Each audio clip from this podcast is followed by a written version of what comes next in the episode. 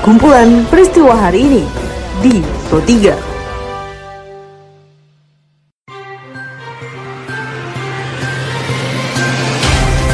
Halo pendengar, selamat berjumpa kembali di podcast Pro 3 RRI dengan kumpulan peristiwa yang terjadi pada hari ini. Seperti biasa, pendengar pada podcast ini saya akan mengulas isu-isu aktual yang saat ini masih hangat juga ramai diperbincangkan di sekitar kita. Tentu saja pendengar nanti akan saya hadirkan cuplikan informasi dari reporter kami. Saya Tika Nantia, inilah kumpulan peristiwa Pro 3 di ruang dengar Anda. Pendengar sebelum masuk ke dalam beberapa isu aktual yang tentunya akan saya hadirkan sesaat lagi, saya mengundang Anda terlebih dahulu untuk mampir ke laman berita kami di rri.co.id. Anda juga bisa follow dan berkomentar langsung di sosial media kami, di Instagram, Twitter, juga Facebook dengan mengetik at RRI Programa 3 di kolom pencarian Anda. Pendengar informasi pertama dikabarkan reporter kami Khairul Umam, putra Presiden Republik Indonesia Joko Widodo, Gibran Raka Buming Raka membantah informasi bahwa pihaknya terlibat dalam kasus dugaan korupsi bantuan sosial Menteri Sosial Juliari P. Batubara.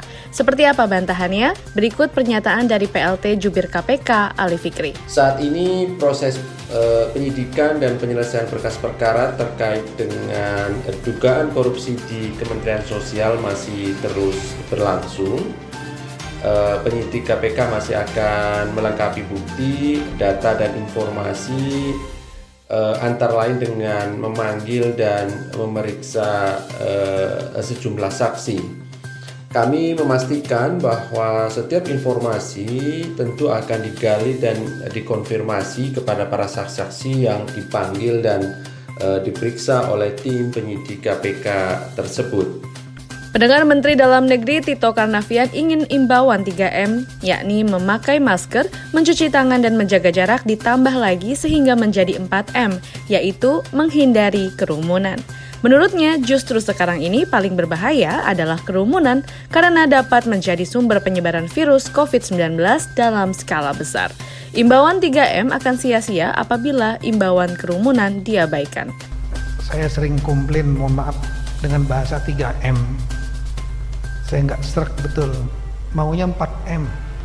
Memang harusnya 4M, selalu dibilangkan 3M.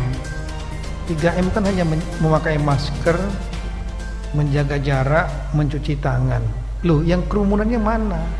Yang ini paling bahaya ini kerumunannya ini, menghindari kerumunan. Maka terminologi kalau Kemendagri kami sudah menggunakan enggak 3M, 4M. Kalau 3M nanti yang menghindari kerumunannya enggak ada. Padahal yang paling banyak sekarang ini kerumunan.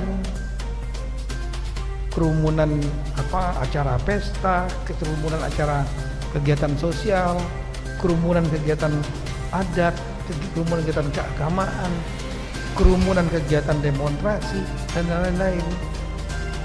Kita kemarin bisa membuat aturan mengenai pilkada, termasuk merubah kampanye yang tadinya rapat umum menjadi maksimal 50. Kalau saya berpendapat, salah satu kerumunan yang penting juga adalah penyampaian pendapat penyampaian pendapat di muka umum atau yang kita sering sebut sehari-hari demo.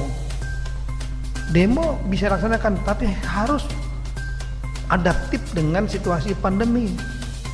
Kalau mendapat saya batasi saja 50 orang. Sama seperti kita membatasi kemarin pilkada.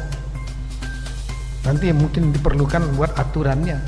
Kita beralih ke informasi lainnya pendengar, keluarga 6 anggota Front Pembela Islam FPI yang tewas dalam insiden KM50 menyerahkan bukti ke Komisi Nasional Hak Asasi Manusia berupa foto dan video jenazah. Dilaporkan reporter Joshua Sihombing, berikut pernyataan dari Suhada, salah satu orang tua dari anggota FPI yang menjadi korban. Tadi nama saya Suhada, saya dari orang tua dari Syahid Faiz Ahmad Syukur. Uh, tadi kami datang ke Komnas HAM ini, kami menceritakan bagaimana apa yang kami ketahui, fakta yang ada yang kami ketahui tentang putra-putra kami yang dibunuh oleh polisi. Kalau dokumen-dokumen itu foto-foto dan video waktu jenazah di, dari Rumah Sakit Sukamto dibawa ke Petamburan, kemudian difoto-foto dan ada video-videonya ketika sedang dimandikan. Iya, sudah diserahkan kepada Komnas HAM. Ada seseorang menelpon kepada saya mengaku dari Polda Metro Jaya untuk meminta izin by phone dan ini menurut saya kurang beretika Informasi lainnya, pendengar kasus positif COVID-19 di Bali meningkat yang didominasi transmisi lokal tanpa gejala. Ketua Harian Satuan Tugas Percepatan Penanganan COVID-19 Bali, Idewa Made Indra menyebut penambahan kasus karena masyarakat tidak disiplin menjalankan protokol kesehatan. Dilaporkan reporter Ayurini, berikut penjelasan dari Idewa Made Indra. Adanya penambahan kasus terkonfirmasi positif COVID-19 di transmisi lokal. Ini adalah satu indikasi ya tengah-tengah masyarakat kita masih ada yang belum disiplin di dalam melaksanakan protokol pencegahan penyebaran COVID-19. Baiklah pendengar, informasi tadi mengakhiri perjumpaan kita pada podcast edisi hari ini. Dengarkan terus podcast edisi hari lainnya dan juga hari ini tentunya di Spotify dengan hanya mengetik Pro 3 RRI di kolom pencarian Anda. Pendengar tetaplah menjaga jarak, ikuti protokol kesehatan dengan baik, jagalah pola makan Anda agar imun Anda semakin kuat. Teruslah mengikuti berita terupdate di Pro 3 RRI. Saya Tika Nantia beserta dengan tim editor kami Karisma Rizky undur diri. Sampai jumpa. Jalanan ibu kota DKI Jakarta masih Kumpulan peristiwa hari ini di Pro 3.